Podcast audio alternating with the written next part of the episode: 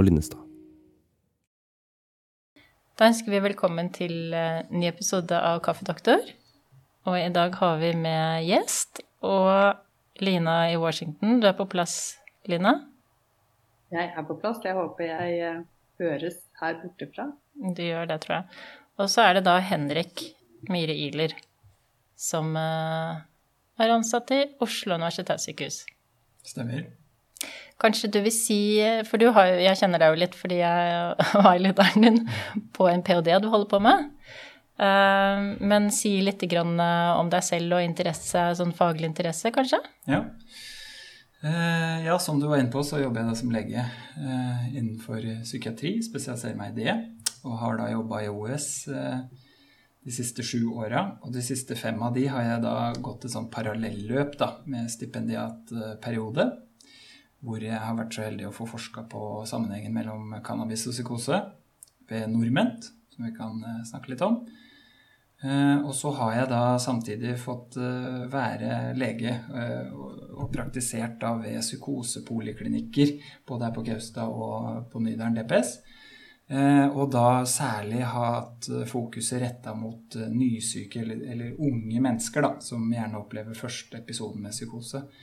Så da har jeg liksom fått det klinikerperspektivet eh, i tillegg til forskningsperspektivet.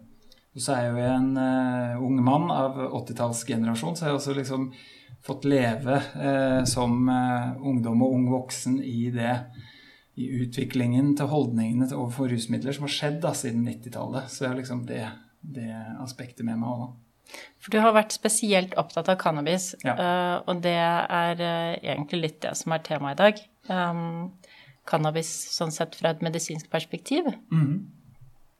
Kan ikke du si noe om For at jeg syns det kan være litt forvirrende med alle disse variantene av cannabis. Eh, når man snakker om hasj, og når man snakker marihuana, og når man snakker det ene og det andre. Kan du si noe litt sånn oversiktlig om hvilke former som er der ute? Ja, det skal jeg prøve å sammenfatte sånn rimelig greit. For det, det begrep som jeg bruker ofte, er cannabis. Og det kommer jo da av cannabisplanten, som har, eh, kommer igjen fra cannabinaceae, som er liksom den familien, da. Men det er rett og slett en hampplante, så hamp er også et annet eh, ord, da. Men det er ofte konnotasjoner til eh, klesbruk og sånn, så vi kan, vi kan komme litt inn på det. Og det har de i Botanisk hage òg. Jeg tror ikke det er helt ja. det samme. Jo, det er, altså det er det, men den har lavere Så det kan vi gå inn på hva hamp er. Men hamp er cannabis, altså, men med lavere eh, konsentrasjon av da de psykoaktive ingrediensene. Ja, nemlig. Mhm.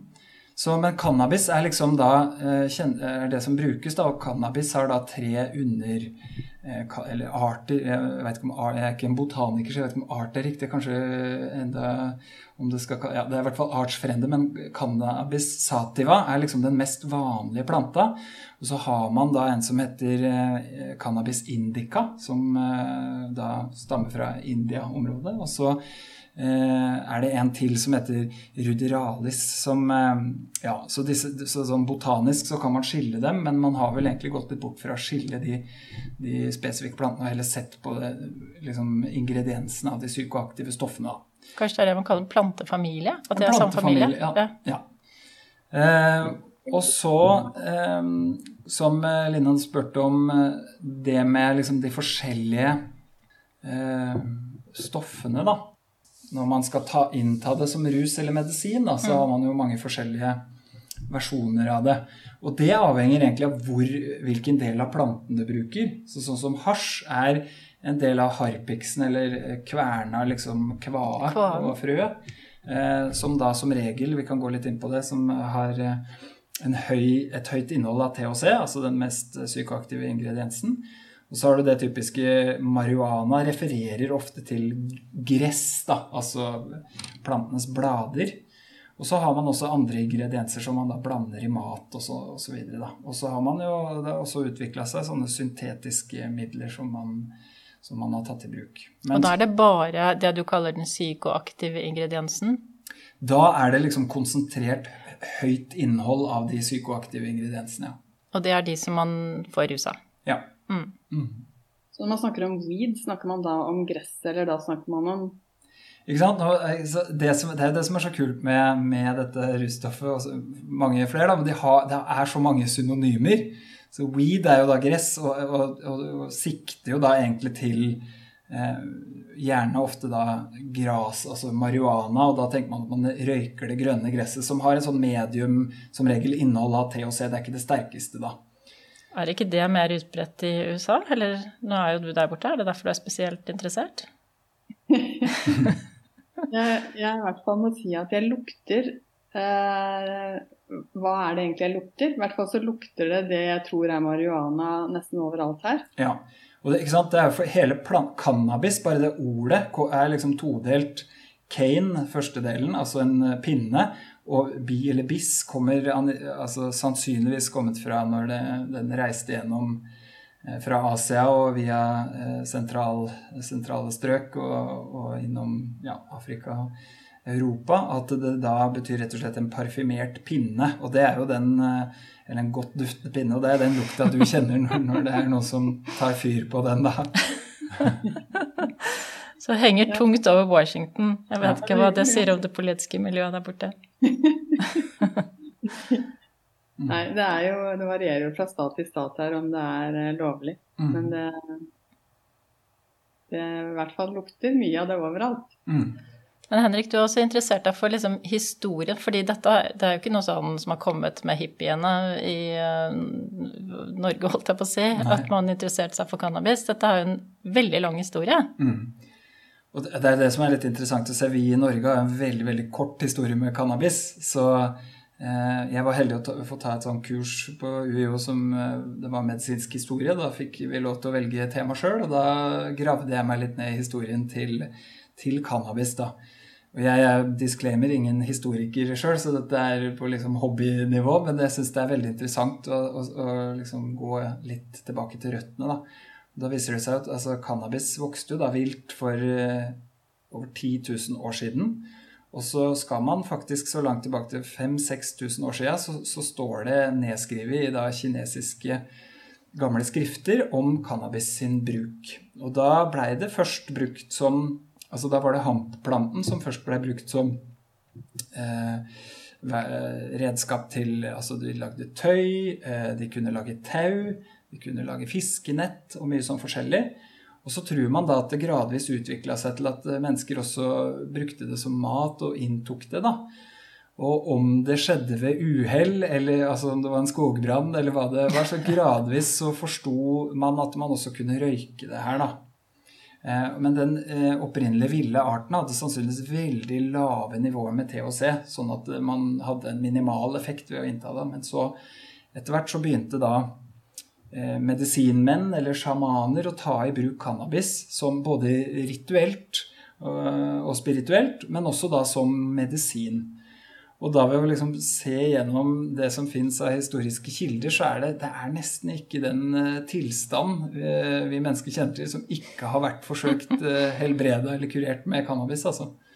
Det er jo nesten litt sånn paradoksalt når man tenker på hvor mye liksom, ressurser vi bruker på å motarbeide Eller sånn selvfølgelig motarbeide, fordi det er jo et problem mm. eh, i stor utstrekning. Men, men eh, vi på en måte har jo hatt den motsatte holdningen nå, da, mm.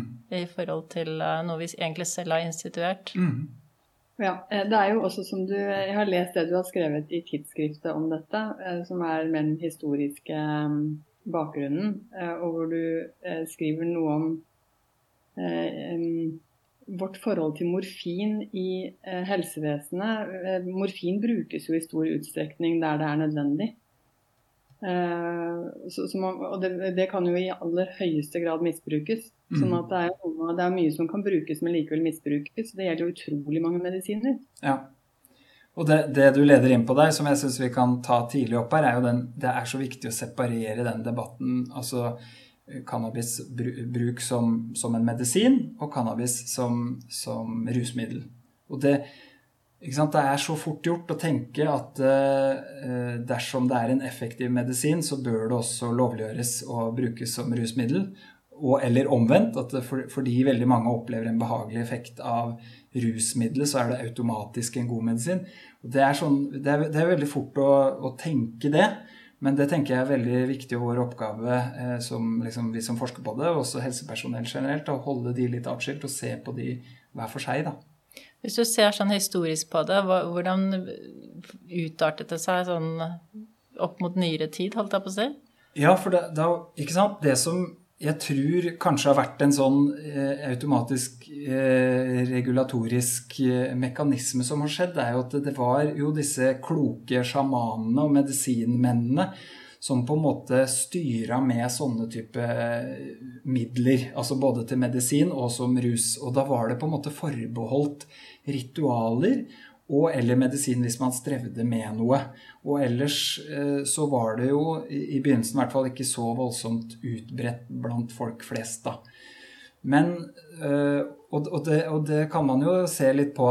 Det, var en form kanskje for gammeldags resept. da, At det var noen som holdt tak i det og, og kunne foreskrive det eller bruke det, mens, mens, det ikke var så utbredt. Men så gradvis så ser man at det, altså de, i Asia da, så var det jo nomader, og sjamanisme spredte seg. Så spredte da eh, kunnskapen om cannabis seg, og etter hvert så begynte mennesker også å kunne kultivere det sjøl. Og da så man jo eh, man ser jo fort f.eks. at eh, mennesker skjønte fort f.eks. at uh, hundplanten hadde mye høyere THC-nivå og, og var, hadde da mye mer potent effekt. Så de begynte tidlig å kultivere for å få fram hundplanten i mye større grad enn hannplanten. Når man ville ja, bruke det som medisin. Og, eh, og, så fortsatte man å, å, gjøre det her, og så bredte det seg ut. Og, og i noen asiatiske kulturer så blei det da også allment brukt utafor det som var rituelt og medisinsk. Altså det blei en slags del av kulturen, da. Som, eh, ja, i, i, i, som rekreasjonsmiddel, rett og slett. Og så fortsatte det å bre seg utover eh, Det står liksom beskrevet da fra, eh, fra ja, eh, altså de arabiske landene og sånn, med Sumer og, Mesopotamia og sånn, så står det jo Er det liksom eh, hamra inn i tavler at dette her var et, eh, en god medisin mot eh, epilepsi, f.eks. Som vi fremdeles Altså det, er, det har vi jo bevist i dag med moderne forskning. Ehm, men også sorg. Så da ser man at det også ble brukt eh, i sånne typer settinger. Da. Og litt seinere så, så, blir det beskrevet at det blir brukt i begravelsesritualer, der man tente på eh, planten, og så skulle alle deltakerne i begravelsesritualet da innta denne røyken for å for så liksom få denne spirituelle opplevelsen, som da var den psykotomimetiske effekten som cannabis gir. da. Så det, og, og, så igjen til Afrika spredte seg, og så seinere inn til, til, Amerika, som jo også vi har det på en måte fra, da, for da er det jo eh, I Europa så var jo ikke egentlig cannabis noe særlig utbredt før på 1800-tallet, at man finner en del skrifter om det, og da kom også de første vitenskapelige artiklene om det. Og, og de jo viser at det er veldig omstridt tidlig, at folk er veldig usikre på, på bruken.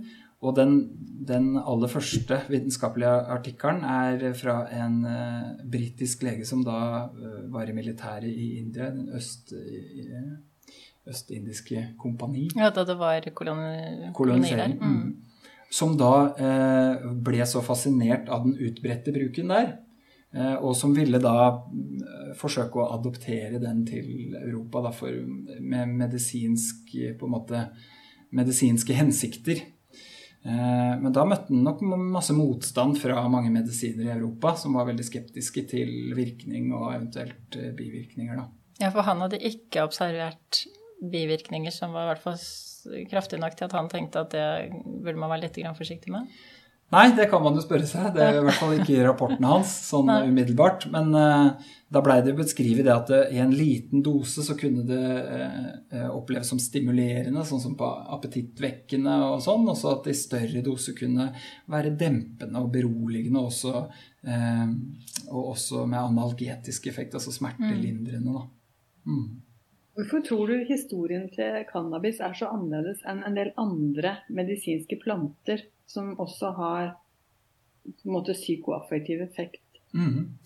Ja, Det er et veldig godt spørsmål. Og det henger nok litt sammen med at eh, det har vært veldig varierende grad av innhold av disse psykotomimetiske eh, stoffene i forskjellige avler. Så, så noen deler eh, noen har klart å avle fram veldig på, på potente planter hvor THC-nivået har vært ganske høyt, og det har gitt en veldig sånn klar effekt. Mens eh, andre avlinger har gitt mindre potent effekt. Og så har man da sannsynligvis eh, da eksperimentert med dette her uten at man har hatt anledning til å teste stoffet for virkningsstoff. For det, det, er jo fortsatt, eh, faktisk først i 1960 at vi klarer å isolere og finne THC, da. Denne på en måte mest potente eh, kjemikalier, mm. virkestoffet, i, i cannabis. Så, og det er jo ikke mer enn 60-70 år siden, så, og så har vi liksom brukt det i flere tusen år. Så, så man visste jo ikke hva som, hva som var i plantene, og hva som faktisk ga effekt. Når er det man begynner å bli bekymret for fordi nå høres det ut som det er mange som har vært interessert, og man har sett mye positive effekter og hatt advokater for det, men når var det man begynte å liksom, tvile på om dette her var noe man skal anbefale? Ja, og det, det, har sannsynligvis vært veldig mange bølger opp igjennom som vi ikke kjenner til. Men det er bl.a. funnet skrifter hvor eh, i Egypt f.eks. fra 1300-tallet hvor eh, Eh, hvor en eh, geistlig leder går til orde for at det kan eh, forårsake galskap og plutselig død, f.eks. Og det er flere sånne veldig kontrastfylte beskrivelser opp igjennom som tyder på at folk har hatt forskjellige opplevelser med stoffet. Men i det seinere, på 1800-tallet, når det først kom til Europa, så hadde man en sånn viss skepsis, men så plutselig blei det litt gradvis mer akseptert, og kultureliten i bl.a. Frankrike tok det inn, og det ble brukt i sånne såkalte hasjklubber. der liksom den kulturelle eliten mente at det stimulerte kreativiteten og sånn. Og, så, og, da var det på en måte lenge i en sånn bølge, da. Mm. Eh, og så på tidlig 1900-tallet så, så, så, begynte man å kanskje se mer med skepsis mot det. Og, og her kommer det voldsomt innfløkte, da, der hvor, hvor vi er påvirka av historien til USA, hvor cannabis får denne eh, kulturelle konnotasjonen også, fordi Cannabis blir da importert til USA, sannsynligvis eh, med meksikanske immigranter etter den meksikanske revolusjonen i 1910. Og da ser man en voldsom oppblomstring i bruken. da.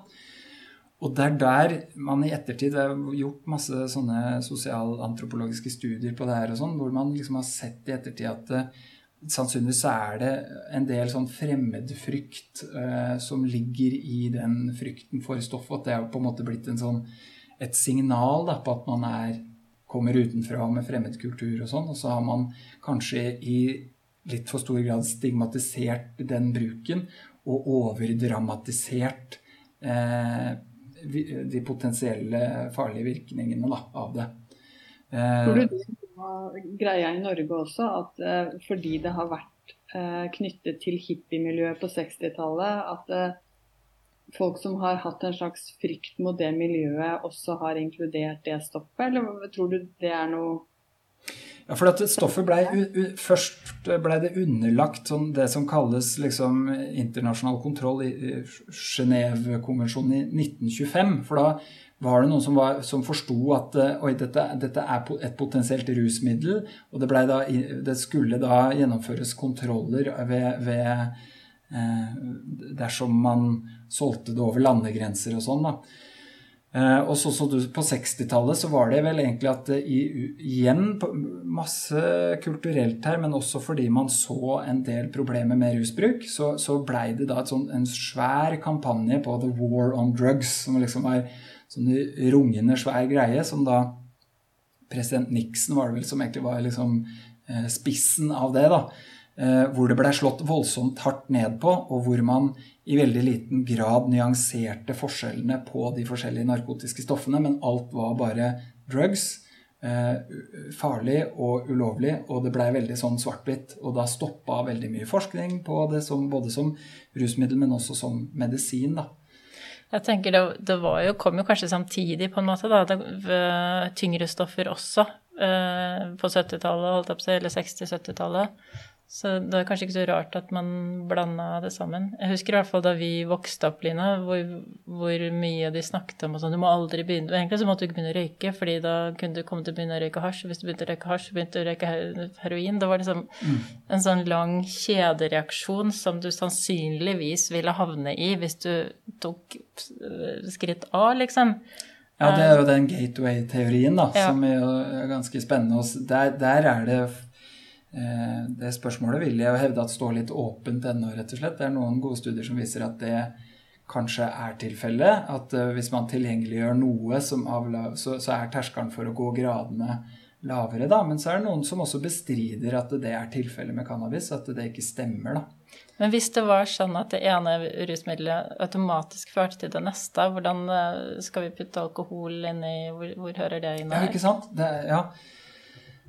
Nei, for alkohol og tobakk det lovlig ulovlig også. At uh, Den gateway-teorien har vel mye med det å gjøre. At idet man har gjort Idet man har begynt med hasj, så har man gjort noe ulovlig, og da, er, da har man brutt en eller annen barriere allerede. Mm.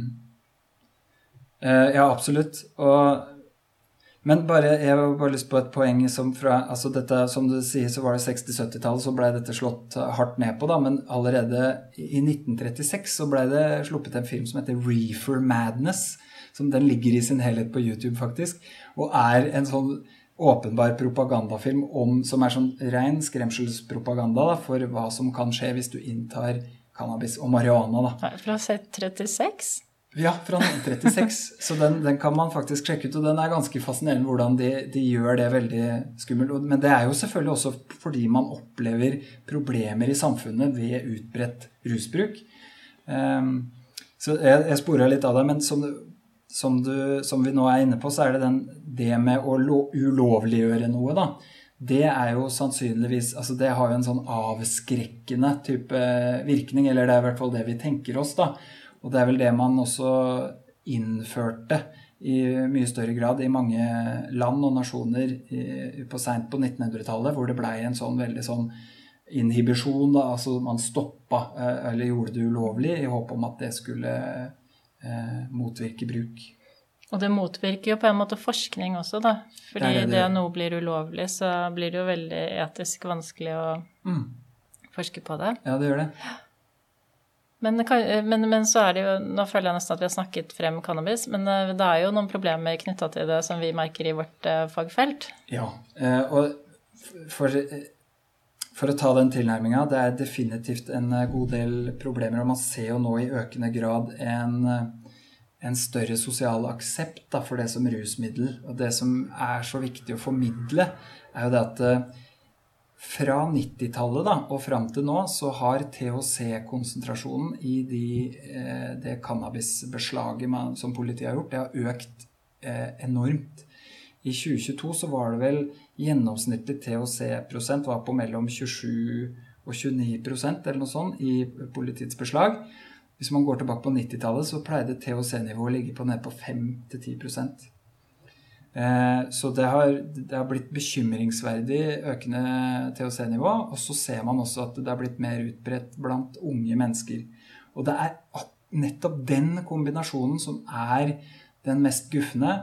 Unge mennesker, altså unge umodne hjerner, da, som bruker høy-THC-cannabis, eh, det, det, har en del negative konsekvenser. Eh, det blei bl.a. nå nylig i British Medical Journal så ble det så blei det eh, publisert et så, såkalt umbrella review, altså et, en paraply-review av eksisterende metaanalyser som ser på da potensielle eh, altså for- og motargumenter da, eh, for cannabis. Og da som medisin da, så har vi gode holdepunkter for å si at det, det, det virk, kan ha virkning mot kronisk smerte, særlig ved terminale lidelser sånn som med kreft og sånn. Det kan hjelpe spastisitet ved MS. Eh, det har en antiepileptisk eh, effekt, så det kan være indisert for bruk i noen epileptiske tilstander. Eh, men utover det så, så veit vi egentlig veldig lite om de positive effektene. Og så ser man da ved, ved, ved bruk av cannabis sånn rekreasjonelt, altså som rusmiddel, så er det mange negative effekter. Så liksom det jeg har sett på, er jo da psykose, ikke sant. Det er jo heldigvis en sjelden reaksjon på cannabis. Eh, men det er Altså, nå har det bygd seg opp en eh, svær bunke med forskning på sammenhengen mellom cannabis og, og psykose. Og cannabis en med, er en medvirkende årsak til utløsning av psykose, helt klart. Og andre holdepunkter er at det er tidligere debut av psykose. Det er hyppigere sykehusinnleggelser dersom du opplever en psykose. Eh, det er dårligere oppfølging av den medisinske behandlinga. Eh, og det er en del andre prognostiske faktorer som, som er veldig negative. Det er jo ikke eh, så lett alltid å forutse heller sårbarhet for psykose. Men man har jo noen, eh, noen ting man kan se på med søvndeprivasjon eller genetisk disposisjon eller på en måte en del andre sårbarhetsfaktorer. Men det er jo ikke alltid lett å vite hvor sårbar man er for å utvikle en psykose. Nei. Og, og, der har man kanskje den største forskjellen på, på alkohol og, og cannabis. Det, alkohol er jo veldig skadelig. Altså, og, og, ser man på liksom sånne studier som, eh, som ser på altså, disability adjusted life years og sånn, så har jo alkohol en mye større impact, altså innvirkning, på funksjonen i menneskers liv, og det er mye mer utbredt. Men det som på en måte er, hvis man skal si at en fordel av alkohol, er at eh, effekten er ganske forutsigbar på tvers av individer. Og så er den ganske sånn lineær, altså inntaket du, du, du, drikker litt og litt, og så, og så, er effekten ganske sånn den gradvis inntagende. Mens cannabis så er det mye mer uforutsigbart. Eh, for det første fordi du ikke veit hva du får da, når det er solgt illegalt, men også hvis man skulle tenke seg at det hadde blitt kontrollert, og man inntar det, og man veit eh, THC-nivå og sånn, så er det fortsatt veldig uforutsigbart hva slags effekt man får av det. Da. Og folk som har brukt det lenge, kan, så kan man plutselig få en paradoksal effekt og, og, og få, en, uh, få, en, dårlig virkning av det. Mm.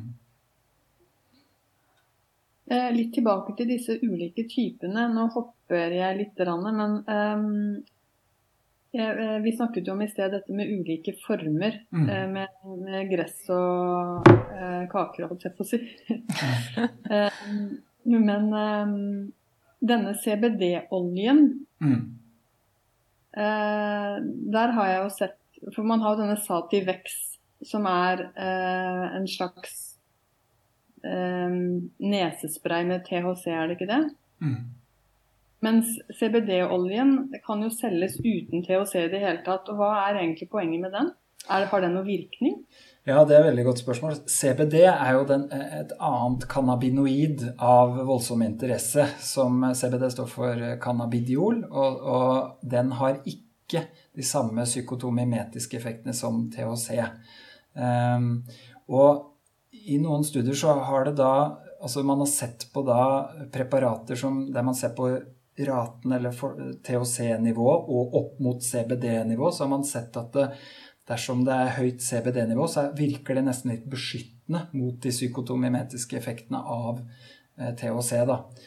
Eh, og da har det blitt kommet frem en del hypoteser om den potensielle virkningen av CBD, som også, for den har en annen virkningsprofil på disse endokannabinoide reseptorene, hvor den er delvis antagonist så man har tenkt at den kanskje kunne hjelpe til med angst, f.eks.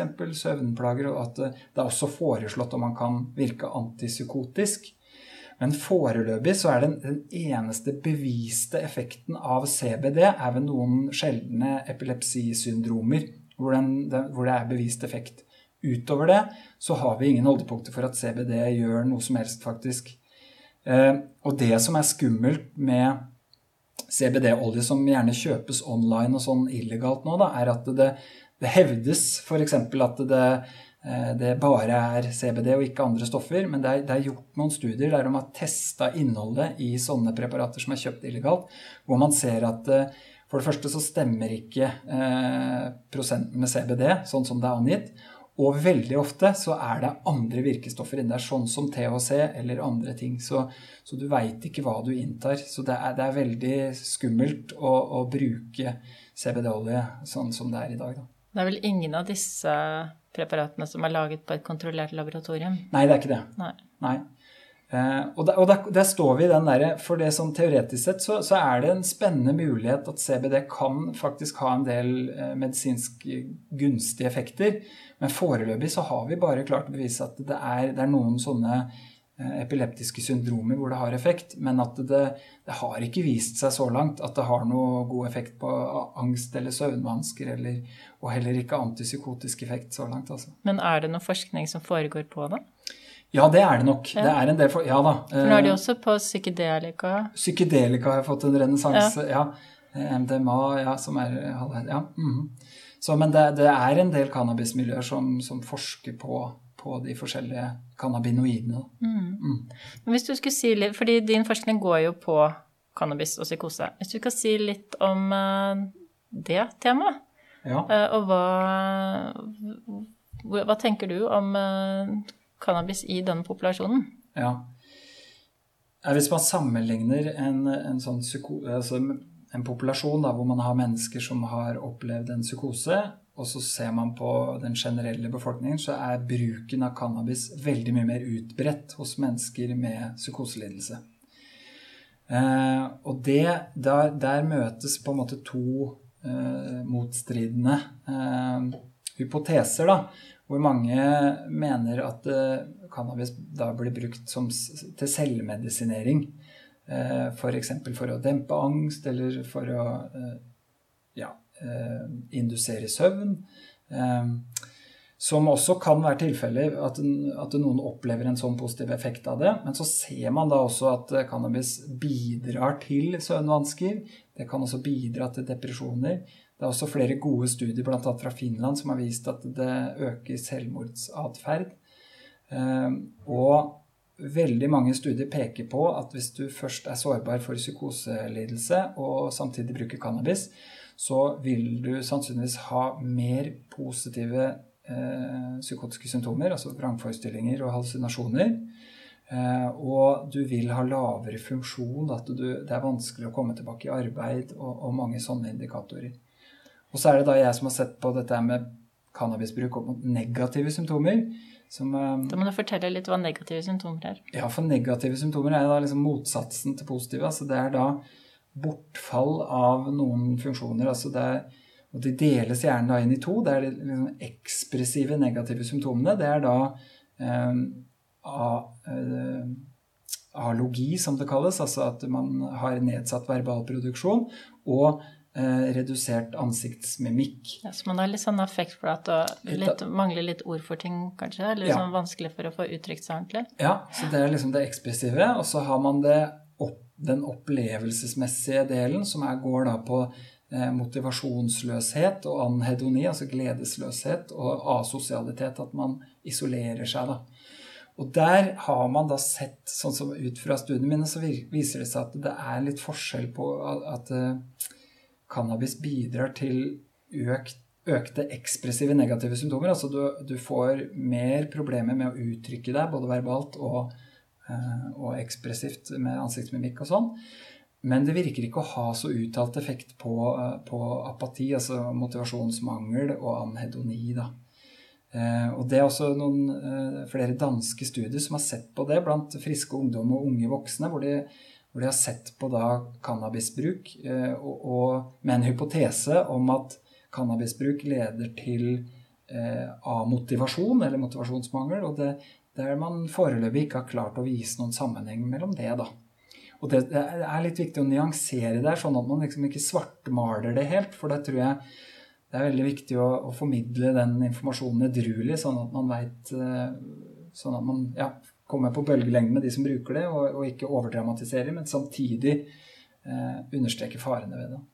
Det er jo også interessant i forhold til at mange av de pasientene vi snakker med, sier jo at sånn det å ha venner, det å føle at man er med, uh, kan være i samtale med andre, uh, er noe av det viktigste på veien til å bli frisk. Mm. Og det å på en måte komme i en situasjon hvor du på en måte ja, blir enda dårligere enn du behøver å være når det gjelder både det å kunne uttrykke deg, men også det å på en måte ha ja, ansiktsmimikk og det som gjør at vi lettere får en kontakt med andre mennesker, da. At mm. blir affisert av cannabis, er jo egentlig sånn sett ganske alvorlig.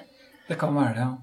Jeg tenker eh, nå, nå har jo du også forsket litt på det med mengde, men det med å tenke ja, reduksjon Mm. av cannabis kan Ja. også uh, være et behandlingsmål, da. Ja. Eh, definitivt. Og det er ikke sånn at eh, liksom, totalt fravær og eller lavgradig bruk, det, det kan liksom på en måte Det, det er, det er høy bruk, eller frekvent bruk, med høydose THC som er liksom problematisk. Og så har vi problemet med å definere hva, hva er høy bruk, og, og hva er mye THC. Det er litt vanskelig å liksom sette grensa, men det å jobbe for å bruke mindre og med lavere THC-prosent er definitivt eh, et viktig mål som vil, vil bidra til bedre helse. Da. Jeg, jeg leste en gang noe om at eh, når det gjelder dette belønningssystemet med dopamin, så er jo det involvert i utrolig mye atferd. ikke sant? Mm. Som, eh, og hele poenget må jo være at vi overlever fordi eh, atferd vi trenger for å overleve, forsterkes ved, ved dopaminsystemet. ikke sant? Mm. Og så hekter jo på en måte rusopplevelse seg på det systemet som en slags blindpassasjer. Mm. Eh, men jeg tenker at eh, eh, den dopamineffekten jeg, jeg leste et sted at når man får belønningsopplevelse av rus, så vil det også på en måte fortrenge eh, den effekten man har på andre områder. Sånn at det skal mer til å, å ha en eh, godfølelse eh, uavhengig av rus, hvis man er vant til å få den godfølelsen med rus. Stemmer det? Ja.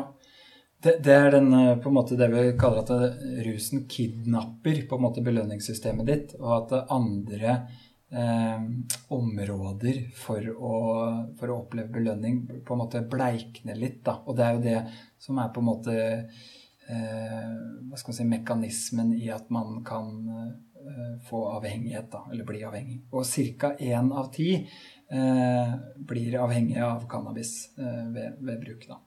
Det er litt Men er det reversibelt, og er det i så fall hvor lang tid Kan man si noe om tidsaspektet her? Hvis det er reversibelt, hvor lang tid tar det før man får tilbake de vanlige belønningsfølelsene igjen? Ja, ikke? Og der tenker jeg, der er vi jo inne på en, en veldig viktig sak når man møter mennesker som eh, har en avhengighet. Da. At man utforsker hva slags funksjon det rusmiddelet har hatt i livet deres.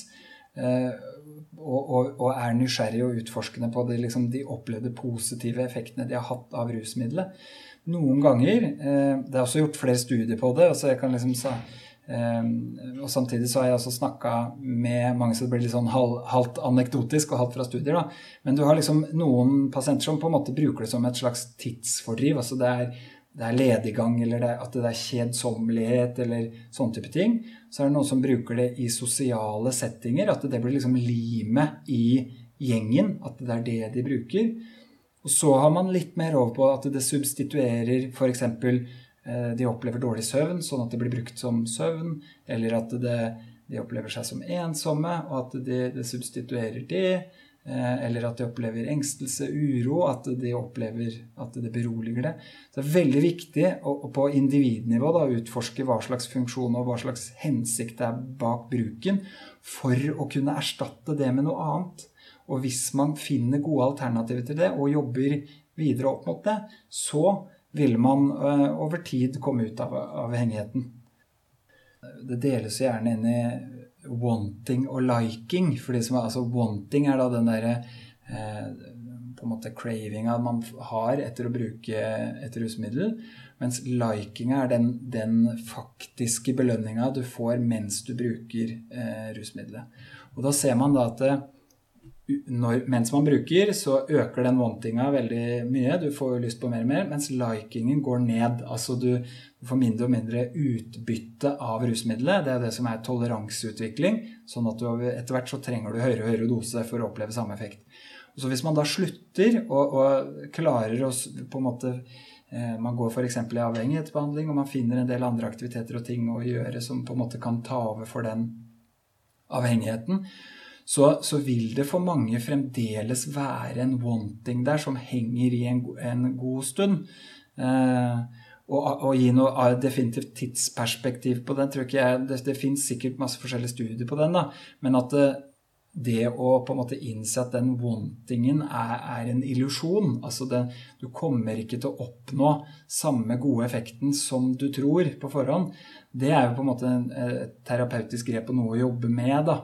Eh, og så etter hvert så kan den wantingen gå ned. Eh, men det, noen vil oppleve å, å, ha et sug uh, over lang tid. Altså jeg kan ta meg sjøl som eksempel. Jeg snuste før, slutta for åtte år siden. Jeg har fortsatt lyst på en snus etter middag. Uh, altså wantingen min er, er fortsatt der.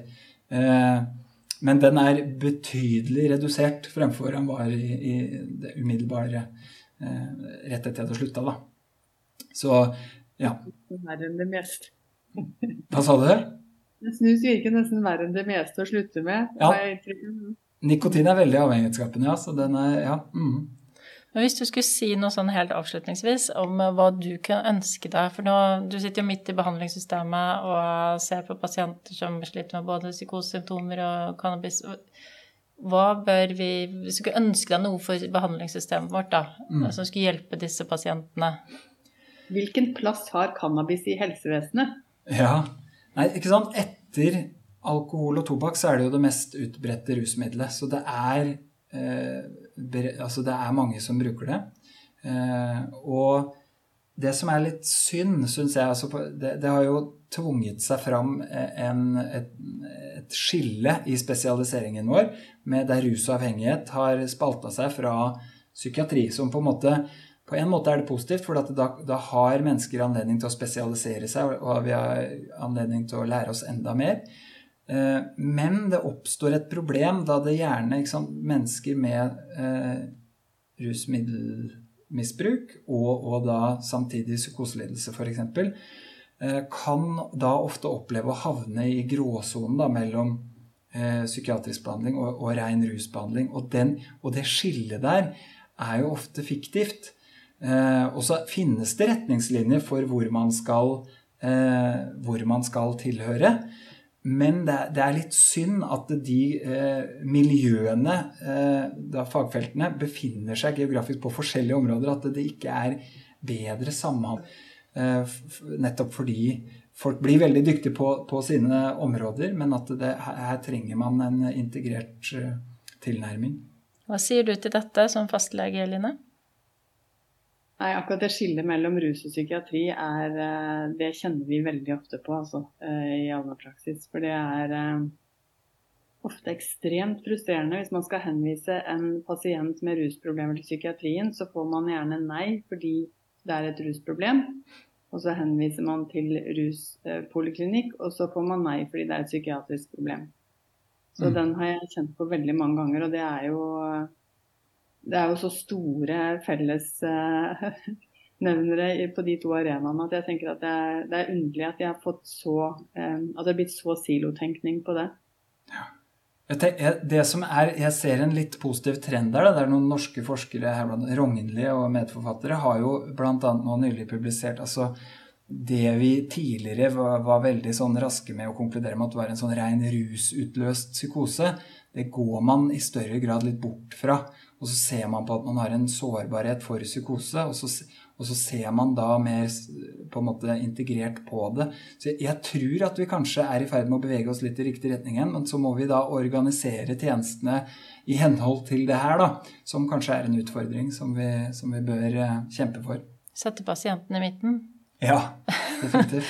organisere oss rundt dem. Ja, mm. det er jo en utfordring. Ja. Mm. Men uh, vi, vi kan ikke gi opp det. Skal vi avslutte da og si tusen takk? Det var veldig hyggelig å være her. Takk for at du kom, Henrik. Ja. og så sier vi som vi pleier, Lina.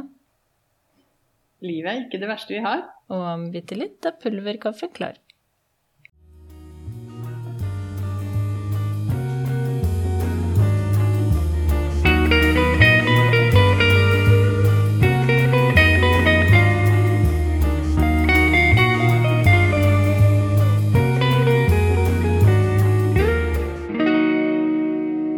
Kaffedoktor med Rom og Linnestad.